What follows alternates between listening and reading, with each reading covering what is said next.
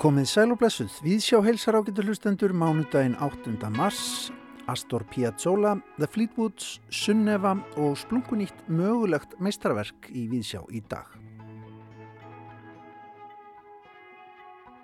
Í Víðsjá í dag ætlum við meðal annars að segja frá nýjustu skáldsögu breska réttumundarins Kazuo Ishiguro en um, hún kom út á dögunum og nefnist Clara and the Sun. Þetta er áttunda skálsaga Isiguros og svo fyrsta sem hann sendir frá sér eftir að hann hlaut Nobel-svelun í bókmyndum árið 2017. Í þessu verki fer um, Isiguro með okkur inn í fyrirsjáanlega framtíð. Þessi bók hefur nú þegar fengið frábæra dóma.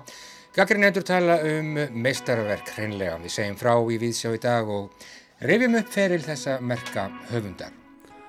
Við hugum líka að argentínska tónskáldinu Astor Piazzolla en síðar í vikunni verða 100 ár liðin frá fæðingu hans. Olivier Manoury leikur á bandoneon eins og Astor Piazzolla gerði á senni tíð. Hann segir okkur frá tónskáldinu en Olivier kemur fram á tónleikum með Korto-kvartetinum í salnum í Kópavogi annað kvöld. Tónleikarnir haldnir auðvita tónskáldinu til heiðus.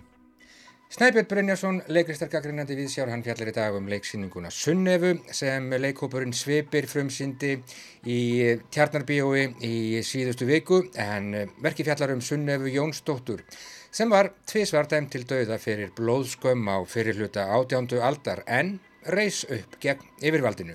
Við heyrðum af þessari síningu hér í viðsjá fyrir slettri viku þegar við rætum við leikstjóran Þór Túlinjus meira um þessa síningu í viðsjá í dag.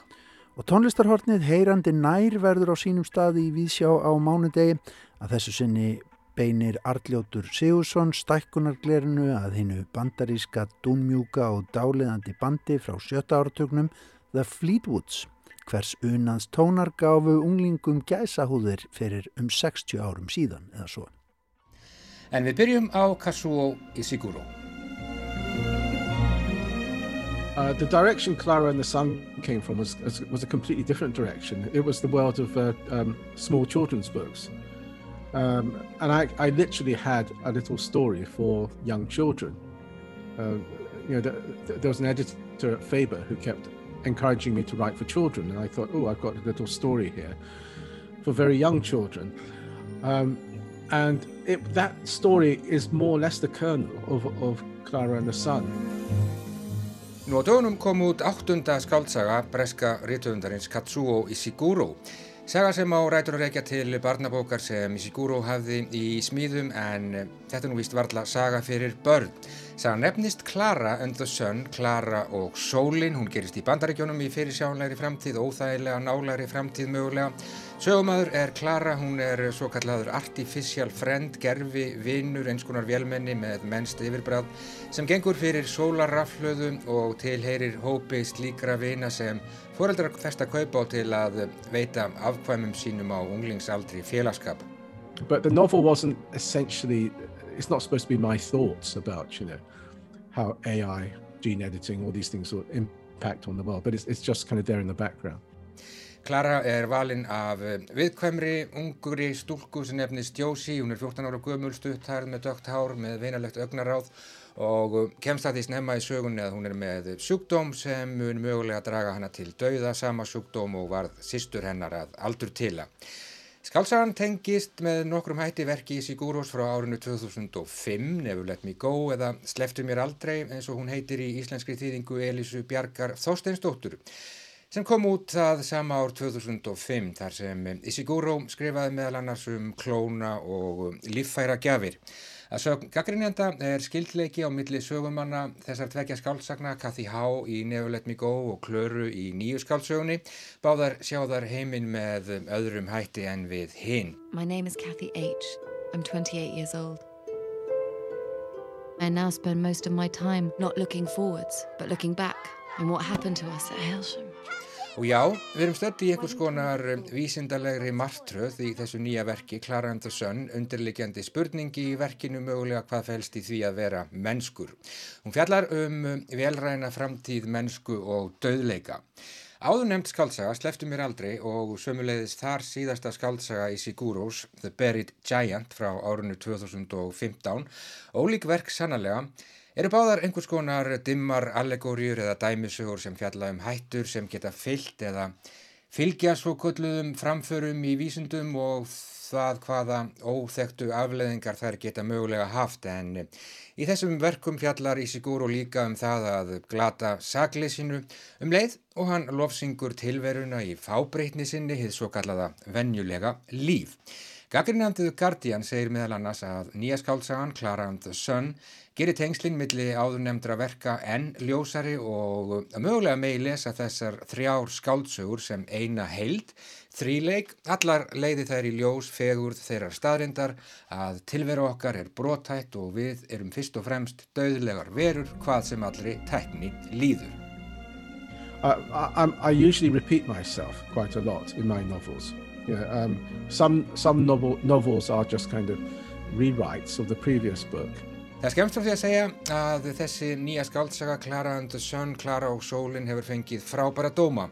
Er meðal annars sögð vera mistaraverkum lífið, ástina og döðleikan að í henni takist Isiguro á við allar stóru tilvistar spurningarnar. Sagan sé í senn, hrífandi og einleg og mögulega dýfsta verkið sem Katsuo Isiguro hefur skrifað fram að þessu. En eitt mestaraverkið eftir Isiguro segir í fyrirsögn Rittómsinn sem byrtist í The Guardian í síðustu viku. Þar er bókin sögð vera algjörlega brilljant, gaggrinnandi New York Times tekur í sama streng. So yes, I mean it might look like Clara and the Sun is a companion book to Never Let Me Go, and, and it is in many ways, you know.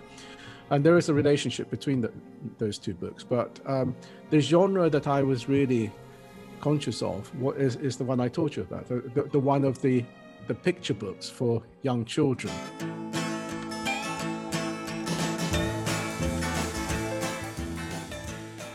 Katsuo Ishiguro let sig á unga aldri dreymum að verða rockstjarnar. Hann hlustaði síðhærður á Bob Dylan og strömmaði á gítar.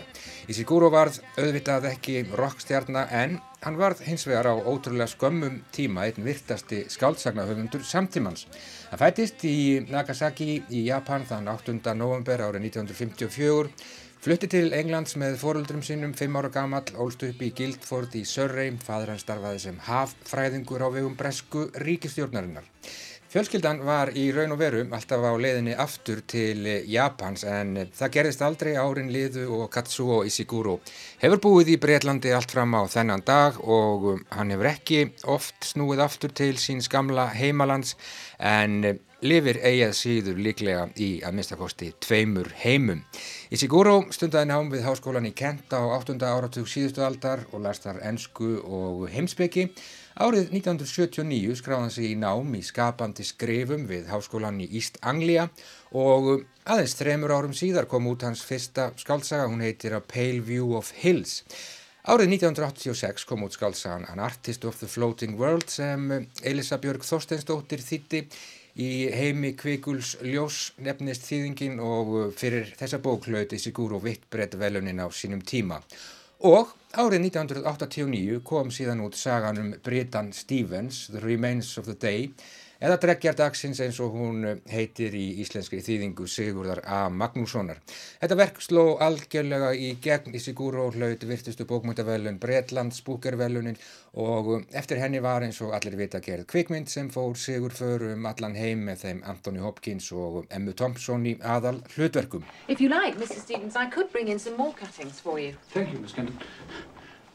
But I regard this room as my private place of work and I, I prefer to keep distractions to a minimum.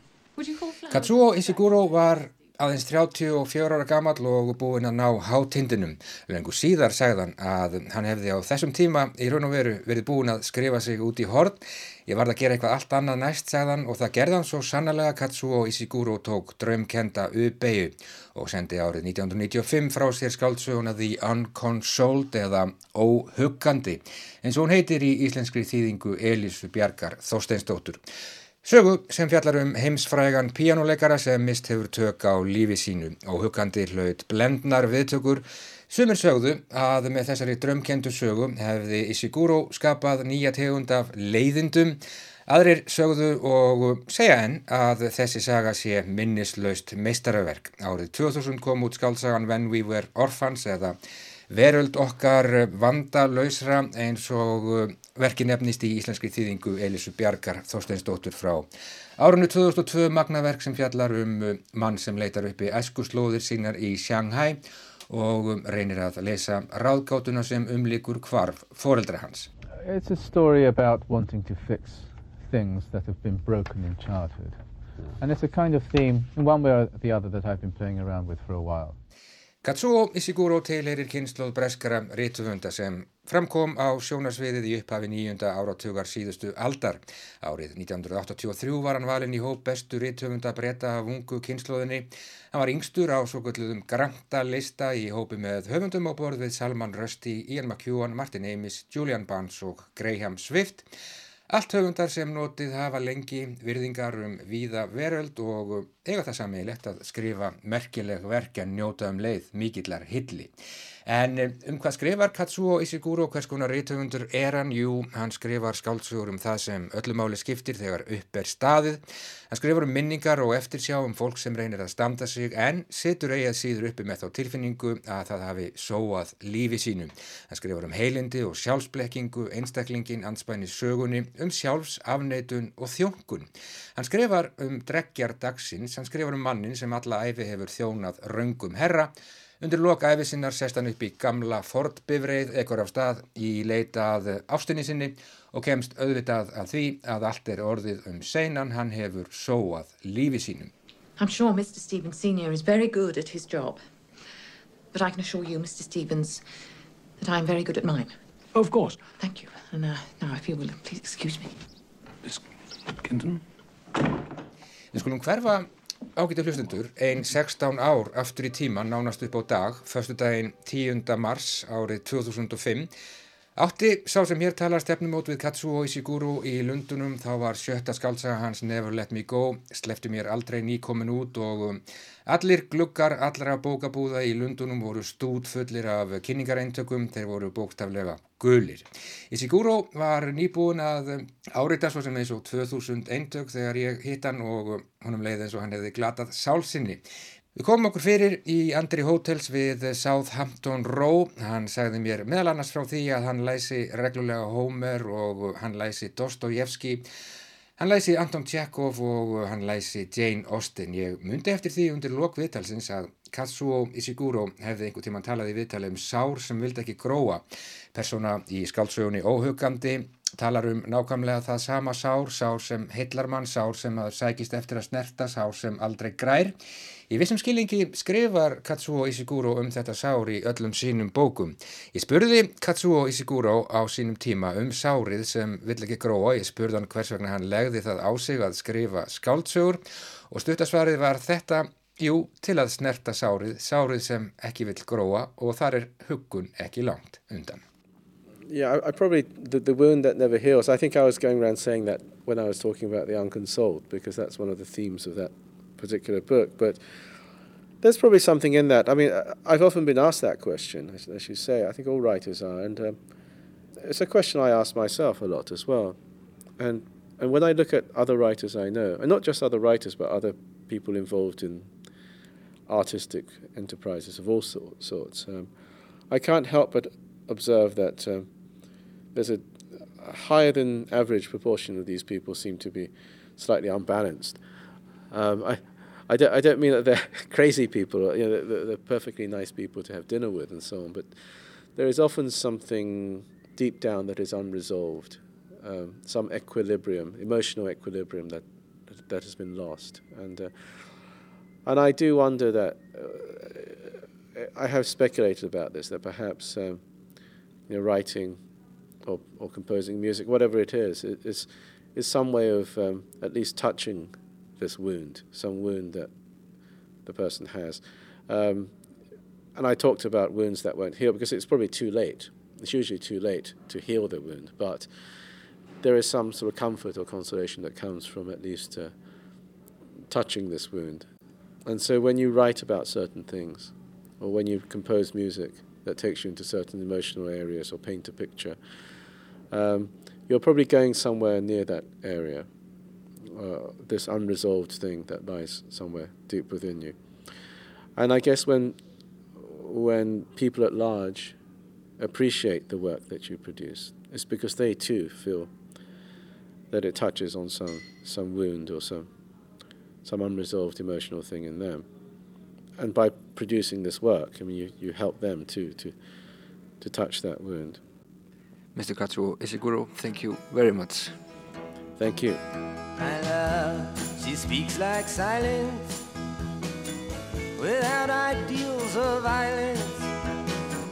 She doesn't have to say she's faithful, yet she's true like ice, like fire. Já, breski rétturhundurinn Katsuo Ishiguro, Sárið, Hugunin og Skálskapurinn brotu úr viðtali sem ég átti við hann í Lundunum fyrstu daginn 10. mars árið 2005. Nýskálsaga eftir Ishiguro, svo áttunda í rauðinni Clara and the Sun, Clara og Sólin, ný komin út. Mestarverk segja gaggrinendur gjörsamlega brilljant og mér segir svo hugur að við munum fjalla nánar um þetta aðteglisverða verk hér í Víðsjá áður en langt um líður.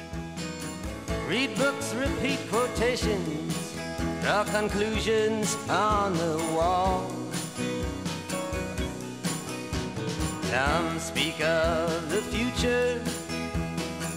My love, she speaks softly. She knows there's no success like failure, and that failure's no success at all. The cloak and dagger dangles. Madams light the candles in ceremonies of the horsemen. Even the pawn must hold a grudge. Statues made of matchsticks crumble into one another. My love winks, she does not bother. She knows too much to argue or to judge. Já, Bob Dylan fyrir Kazuo Ishiguro. Ishiguro mikill Dylan maður, hann var það að minnstakosti.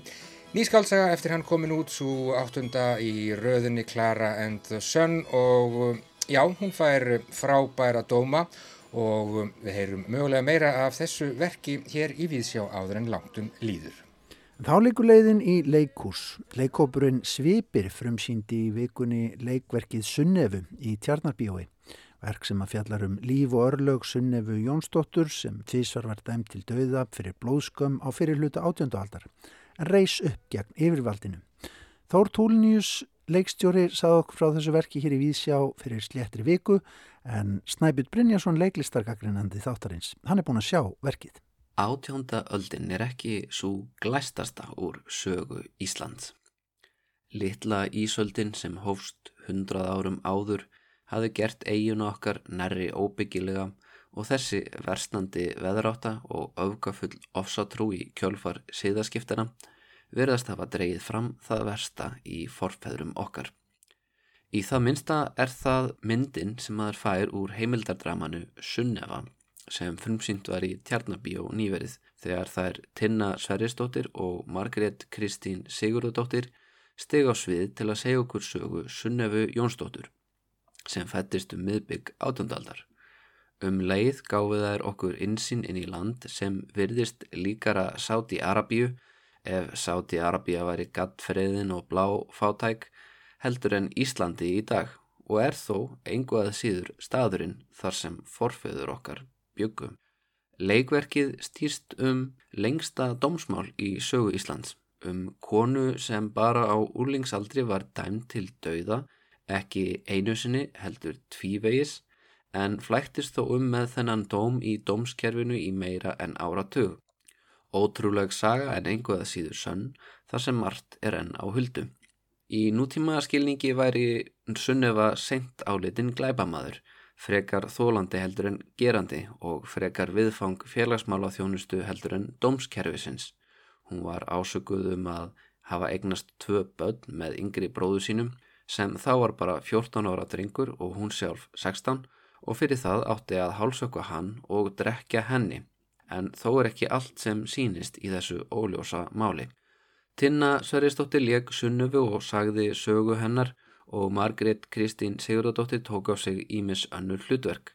Þrátt fyrir það að leiknar og ofta á tíðum dramatískar senur séu sviðsettar er verkið þó mun líkara heimildaleikúsi heldur en einhvers konar baðstofu drama, þó svo efniviðurinn gæti hæglega hendað í slíkan leik. Í frekar kátískri sviðismynd Egil's Ingebergssonar eru þrýr skermar þar sem er varpað upp teikningum af ýmsum personum og er það nokkuð snjöll og skemmtileg leið þess að vekja upp þessa síslumenn, bóndadurga, húsfreyjur og húskarla til lífs en tekningarnar gerði móiður helgatóttir.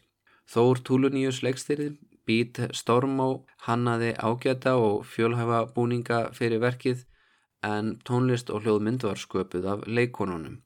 Margrét Kristín samti lagabúta og leka á mörg ólík hljóðfæri í síningunni auk þess sem leiktekstarnir sjálfur voru samtir af leikhopnum með Árna Fridriksinni.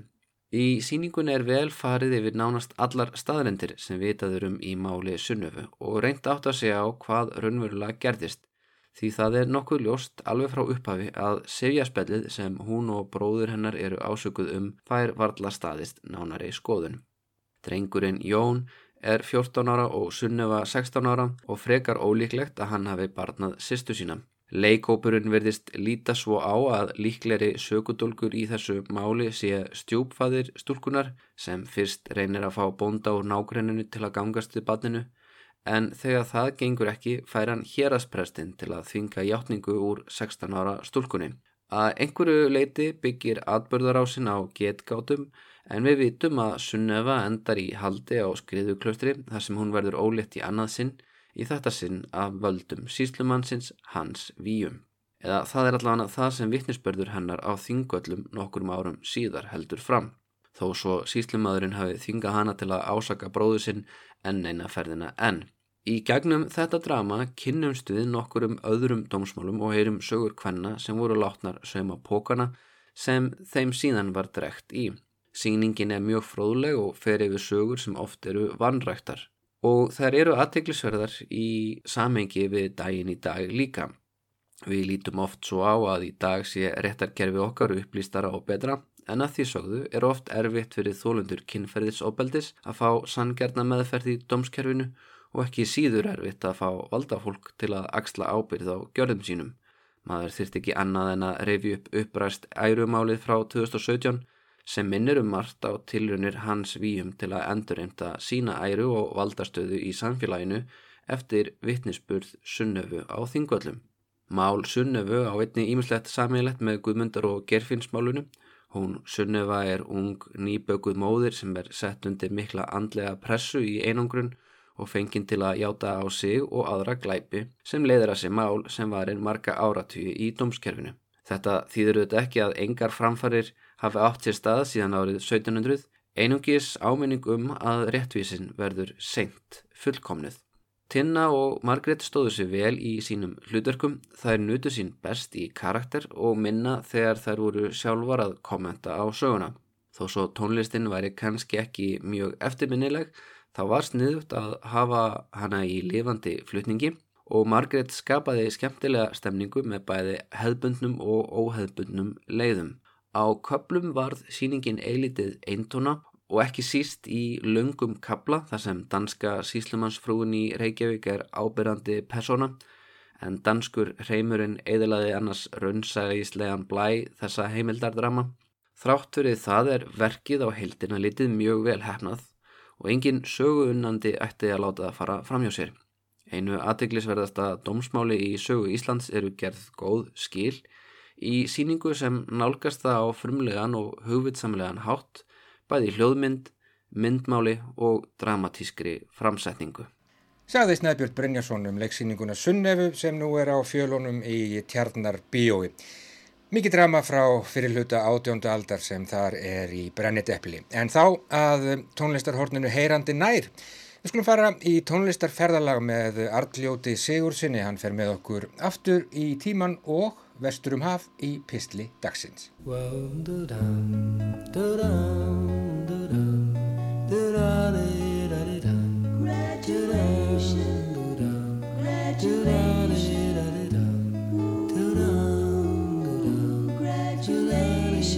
High school parties are over.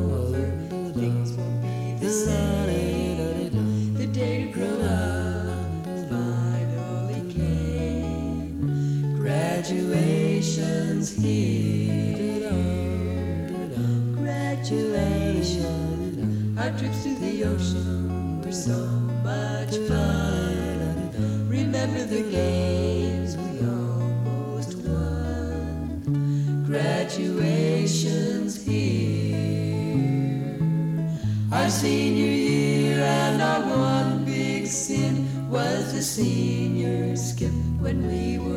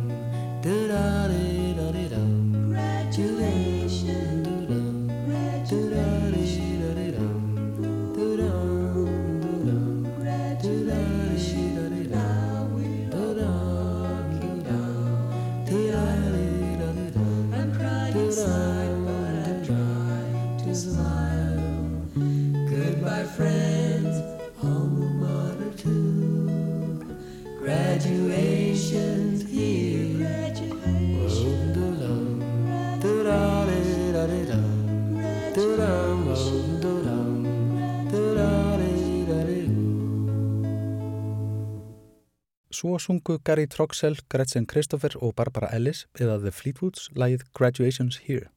Þau stopnuðu þetta klassiska söngtríu meðan þau voru enn framhaldsskólanemendur í borginni Olympíu, Washington fylki og hétu þá Two Girls and a Guy. Eitthvað leist útgefandarum illa á það, greip næstu símaskrá þar sem hann fann nafnið Fleetwood og ekki þurfti að flækja málið frekar. Gúrúar hafa dreyið hljómsettina í dilka dúvop pops eins og vinsælt var samtíma en Fleetwoods hafði þó sérstöðu eða nánast þrjáhyggjulega sérvisku í sínum heildar blæ og hljóm vefur þeirra fínofinn úr silkithráðum og sveitin ókríndur olimpíumestari í mýkt. Árið 1959 kom út fyrsta og sennilega frægasta lag þeirra þremenninga, Come Softly to Me. Gary og Gretchen voru í göngutúr þegar Gary sönglar með sér lagstúin sinn Bidu Bidu Dam Dam og Gretchen byður hann að hæja taktin því hún og Barbara voru búin að æfa saman lagahugmynd sem geti passað við. Þau fundu Barbaru og mátuðu saman hugmyndirnar sem smelt pössuðu og það afar mjúklega.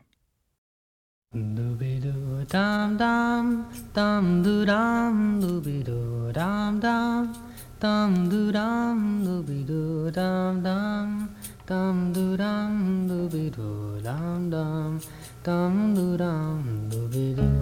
softly darling come softly darling come softly darling come softly darling come to me stay.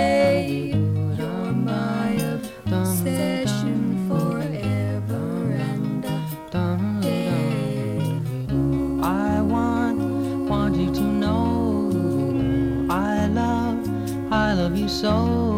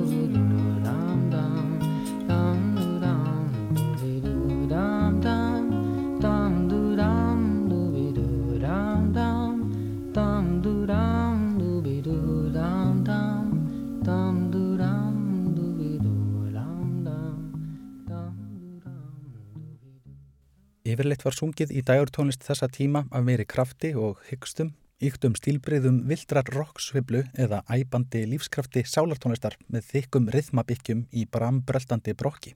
En blíða og þýða þríegið var sakleisinslega hófstilt í innilegum útsetningum, hvar ratinnar eiga nána samverustund á hljómsviðinu í alltum leikjandi mýkt. Vöðvarslagandi seiður, saumnálar falla viðkvæmt á gítarin meðan slagverkið tiplar varfærið. Bakrættirnar bregða sér stundum út af sérhljóðaleiðinni og bergmála svo að vissa textafrasa ósköp skemmtilega eins og heyra má í lægið þeirra Outside My Window.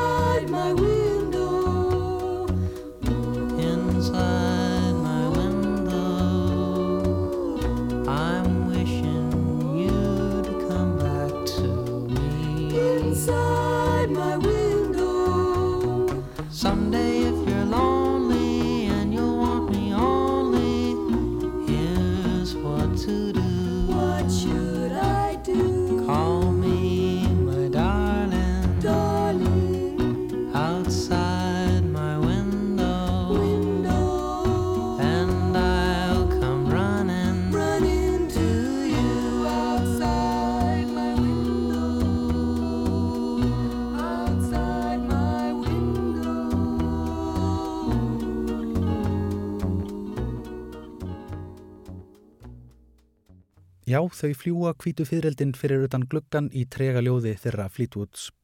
Rattstilt þeirra krafðist þess að undirspilið væri aldrei skerandi og á tónleikum voru vandræði með að koma því til skila. Jafnvel deildu þau sviði með æsilegu rockbandi og salurinn ekki tilbúin fyrir mosa bólstraðan vögguvísustílin. Útsetningarnar krafðust þess að rattirnar bærust ótrublaðar og temja þurfti drega þegar vinsæla tequila bandið The Champs sá um undirleikin hjá þeim. En eins mjúka lendingu og maður hlítur í faðmi þeirra verður ekki neitað að tilbreytingarleysið er svo litið svæfandi.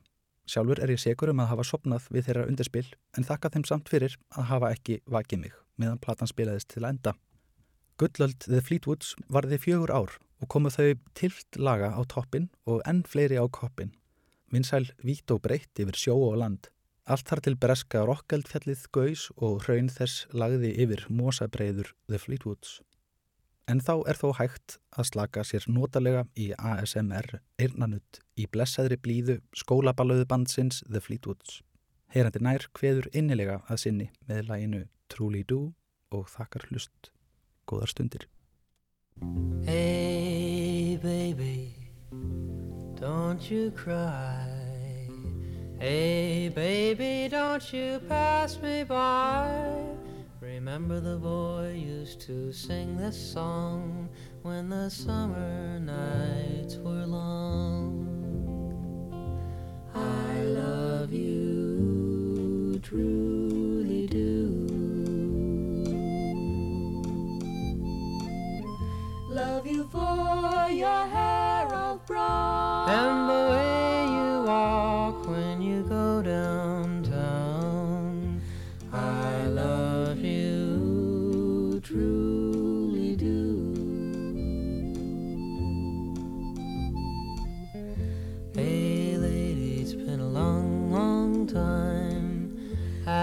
song on my mind.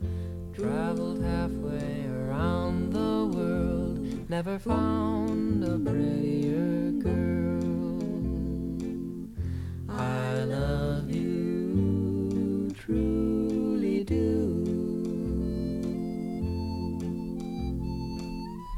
Took my heart like a bluebird flying. I hear your name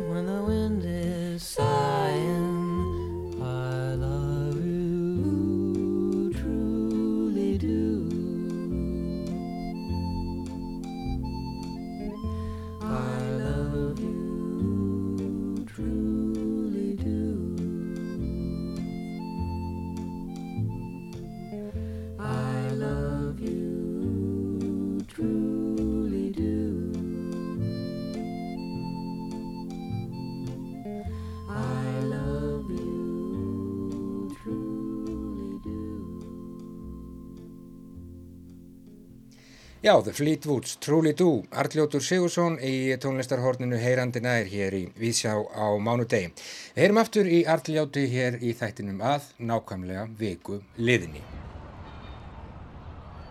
Árið 1929, sama ár og allt hreinur á fjármálamörkuðum New York borgar með eftirkostum um allan heim sem að koma fram í kreppunni miklu, spíksporar 8 ára gammal drengur um stræti Greenwich Village hverfisins í þessari miklu borg.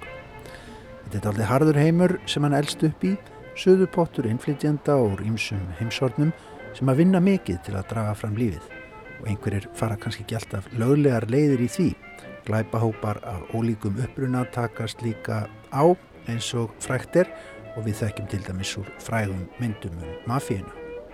Drengurinn sem við fylgjumst með er emitt af ítölskum ættum og þarna árið 1929 eru fjögur ár leiðin síðan hann kom fyrst með fóreldurum sínum til borgarinnar og þá frá Argentínu en ekki heimalandi fóreldra sinna.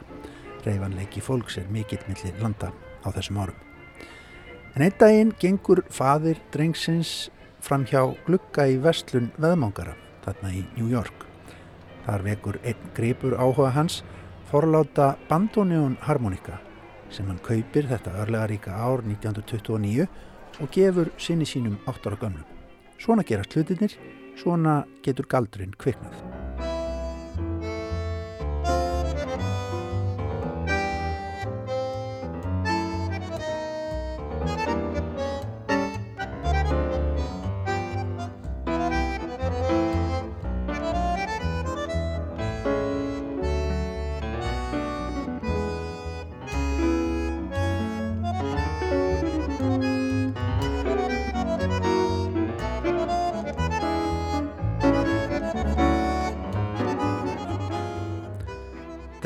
Sem við erum að tala um er Astor Piazzolla, argentínska tónskáldið sem að byggði verk sín að hluta til á galdri tangósins argentínska og er í dag langfrægasti tónsmiðurinn úr þeirri skuffu tónlistarsögunar.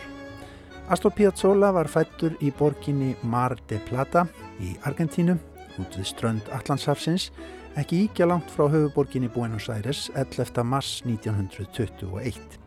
Árið 1925 flutt hann síðan til New York en á heimilinu hljómuðu plötur með tangósveitum manna á borðið Carlos Gardel og Julio De Caro. Auk þess sem að drengurinn ungi komst í tæri við jazz og klassíska tónlist í umhverfi sínu.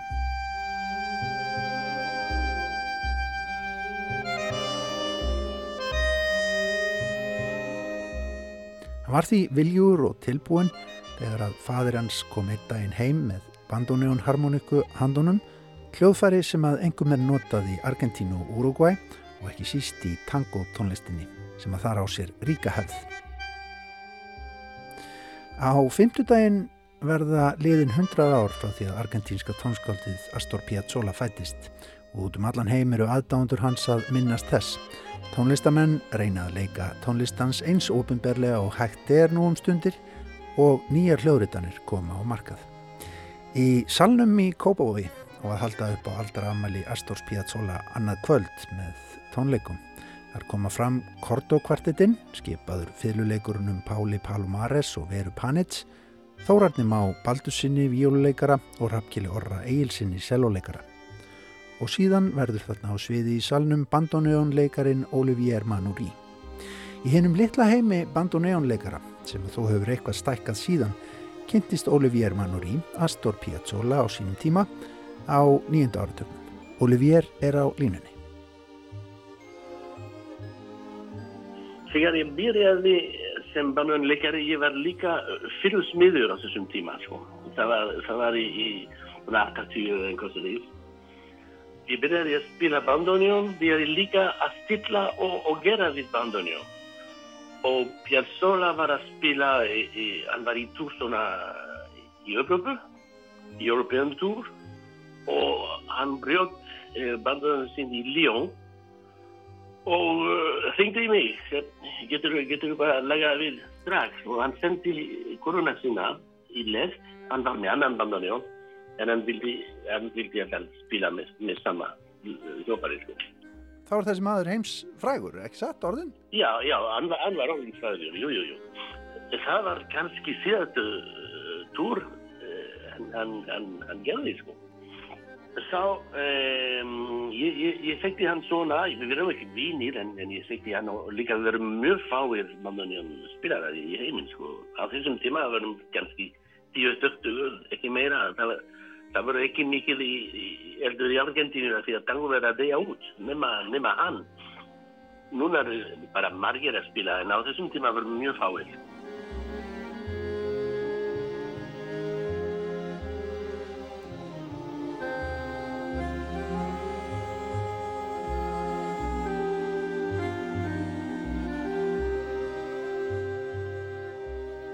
Má kannski halda þið fram að hann hafi verið sko lífsbjörg tangósins að einhverju leiti? Jú, hann uh, fyrst þegar hann, hann er fættur í, í, Argentínu í Mar del Plata í, í 2001 þess vegna er um að spila núna hann er, hann er fættur uh, 11. mars 2001 akkurat 100 ár síðan og hann var sem krakki hann var aldur í New York af því að pappi hans var rækari og fann starf í New York. Og uh, pappi hans elskaði tango. Og þau veru bara uh, erveit erveit uh, tímar því að þeim sko ekki, ekki mikið penninga og svona. Og þau voru að hlusta tango og voru að gráta. Og, og, og hann held í það var bara alveg vonlös musík sem, sem hann vildi spila jazz hann vildi, hann vildi spila einhvað happy music en samt pappi hans kipti bandoneon og uh, hann átti nagrann sem, sem hétt Bella Vilda sem var hungversk tónskáld uh, nefnandi Bartók og um, mamma hans bað að þessi maður að gefa svona tónlist tíma í staðin fyrir spagetti og svona matur sko. Þess vegna um, þessi strákur fekk fram mjög, mjög um, high education já, góðan kennar í tónlist, í tónlist já. Já, já.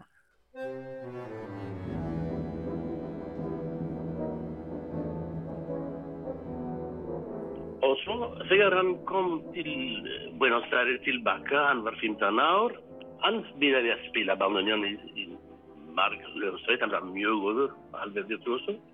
En hann vildi alltaf skrifa ekki nema fyrir dans, líka skrifa svona fyrir, fyrir tónleika. Það var ekki gert á þessum tíma, það var bara fyrir dans, tango var bara fyrir dans. Það var aldrei tango í, í, í tónleikasalunum. Hann átti svona mjög er, errið tíma að því að enginn vildi lusta um það. Fólki vilja bara dansa. Um miðja síðustu öld í menningarlífi Argentínu voru oft uppi nokkur átök um hlutverk tangósins í tónlistarlífi landsins. Árið 1953 kvartur áfram að landa sínum tónskaldinu Alberto Ginastera sendi Piazzolla inn Buenos Aires symfóníu sína í tónlistarsamkefni. Hún var leikin á tónleikum og í lok þeirra örðu slagsmál í áhörundahóknum af því að sömur voru sármólgaður yfir því að tvær bandóneón harmonikur væru notaðar við hlið annara hefðbundina hljóðfæra í sveitinni. Þarna blönduðust saman há og lámenning á hættulegan máta að matri sumra. Verkið var samt til þess að Piazzolla gæt leita sér frekari mentunar af hæstu gæðum í Evrópu. Þá fekk hann uh, einhver uh, styrk frá ríkjum að læra meira með Nadia Boulanger í París og hann fór í í svona tíu ár, einhvað slúðis, að læra meira og byrjaði þá að- að að skrifa koncerto og skrifa svona kamertónlist og svo. En tango verið að deyja út og um, hann, um, hann vildi ekki fara áfram með þessi tango. Og hann var ekki frægur í Argentínu, hann var frekar frægur í Paris á þessum tíma, ekki mjög frægur en, en þá á þessum tíma fólk eh, vilja aldrei gefa út nótur. Hver Jónsveit var með sína eigin útsetningar og útsetningar eru vörumerki ljómsveitinnar, og uh, þá hann spilaði út um allt en enginn gæti spila tónlist af því það var engin notur. Ekki, ég meina, tango, tango hljómsveitin spilaði hans musík en það gerir síst útlendingar en klassik fólk gerir ekkert útsetningar sko. Það, það var ekki hægt að fá notur. Og það er bara svona 8-10 og einhvað svo sem uh, þíska, þíska publisher, ég veit ekki hvað það heitir. Útgáfa fyrirtæki. Já, ég fyrir ekki, byrja að að segja um, þú átt að gefa sitt nótið að segja fólki vilja spila það. Og þá bara byrja bara Gidon Kremer, Jojo Ma og allt þessi fólk að spila að það var nótur.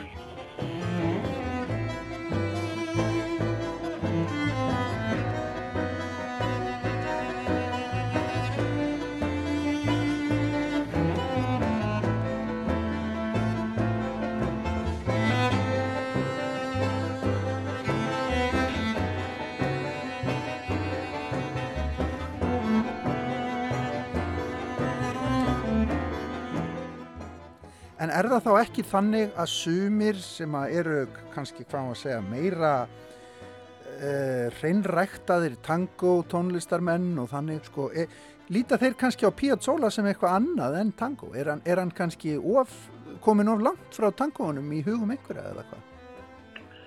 Ég held núna, það er, uh, það er, uh, tango er komin í, í tónleikar, út um allt, líka í Buenos Aires. Og núna er, ennþá dansað, er, er, þetta er ekki sama fólk, þetta er ekki sama, tónlist. Nei. Þetta er alveg eins og það var í jazz. Ellington spilaði bara fyrir dans og, nema síðastu árum sem hann, fekk af tónleikar. Þannig að þetta er kannski svipað að, einhver leiti. Já, það er núna mörg tónleikar í, í Buenos Aires og, lit, og líka jazz, eins og jazzklub, svona nattklub sem er ekki hægt að dansa, engin, engin plás. Nei. Man þarf bara að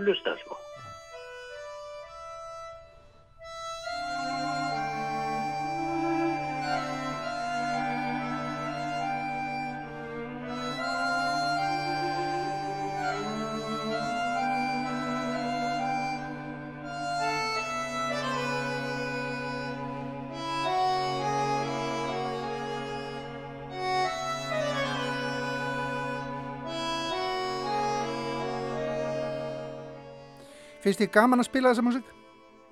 Mjög gaman. Mjög gaman.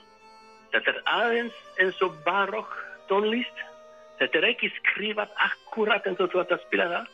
Þú ætti að, you can ornament, you add Já. some notes. Einmitt. Þú eru að lífga þetta við, Já, þetta er skrifað eh, svona, svona square. En, en ljómar ekki vel ef þú, spilar bara notur eins og það er, sko. Þetta gefa einhvað í það, sko. Þetta er stoltið eins og barokk tónlist sem voru, að- að- þau var- var ekki skrifað drill og legato og staccato, það var ekki skrifað, það var bara notur og, og tónlistar, fólk á að veita hvernig það, hvernig þau á að spila þetta, sko. Einmitt. Það verður að lífga músíkina við. Já, já. Hvað ætli þið í Kortó, þú og Kortó kvartetin að gera á morgun? Við skulum gera, um, það verður hlje og fyrsta, um, Fyrsti hlutinn? Fyrst, já, uh, útstætningar mínar um jazzóla og, og mínu tónlist og ég er líka búinn að skrifa strengkvartett sem verður flutt á morgun, svona world premiere. Þá hlýi og svo bara Piazzolla eh, 400 ár Piazzolla eftir hlýi sko. En allt útsending er eða eh, sem ég gerði og líka nokkra sem Piazzolla gerði af því að hann gerði uh, plötu með, eh, með Kronos kvartett og uh, hann gerði allt svona klukkutíma tónlist fyrir bandunjón. Það, þetta hljómar vel, annað kvöld í salnum. Takk kærlega fyrir spjallu og takk fyrir að segja okkur frá, frá uh, Astor Piazzolla, Olvier. Já, takk fyrir, ég fyrirgefum mín íslensku sem er svona, ég, spil, ég, ég, ég tali svolítið eins og Tarzan. Bara flott. takk fyrir. Bless, takk fyrir.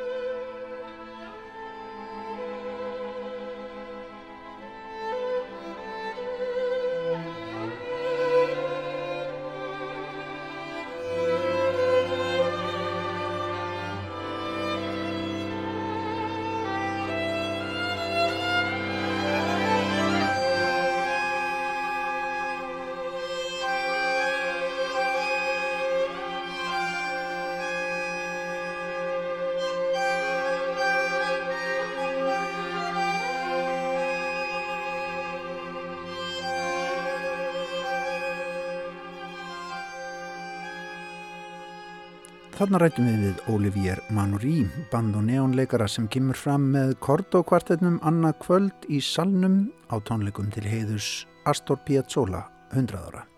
Og Astor Piazzolla slæðir botn í viðsjá dagsins á samt Kronos kvartetinum. Þetta er af 30 ára gamalli plötu.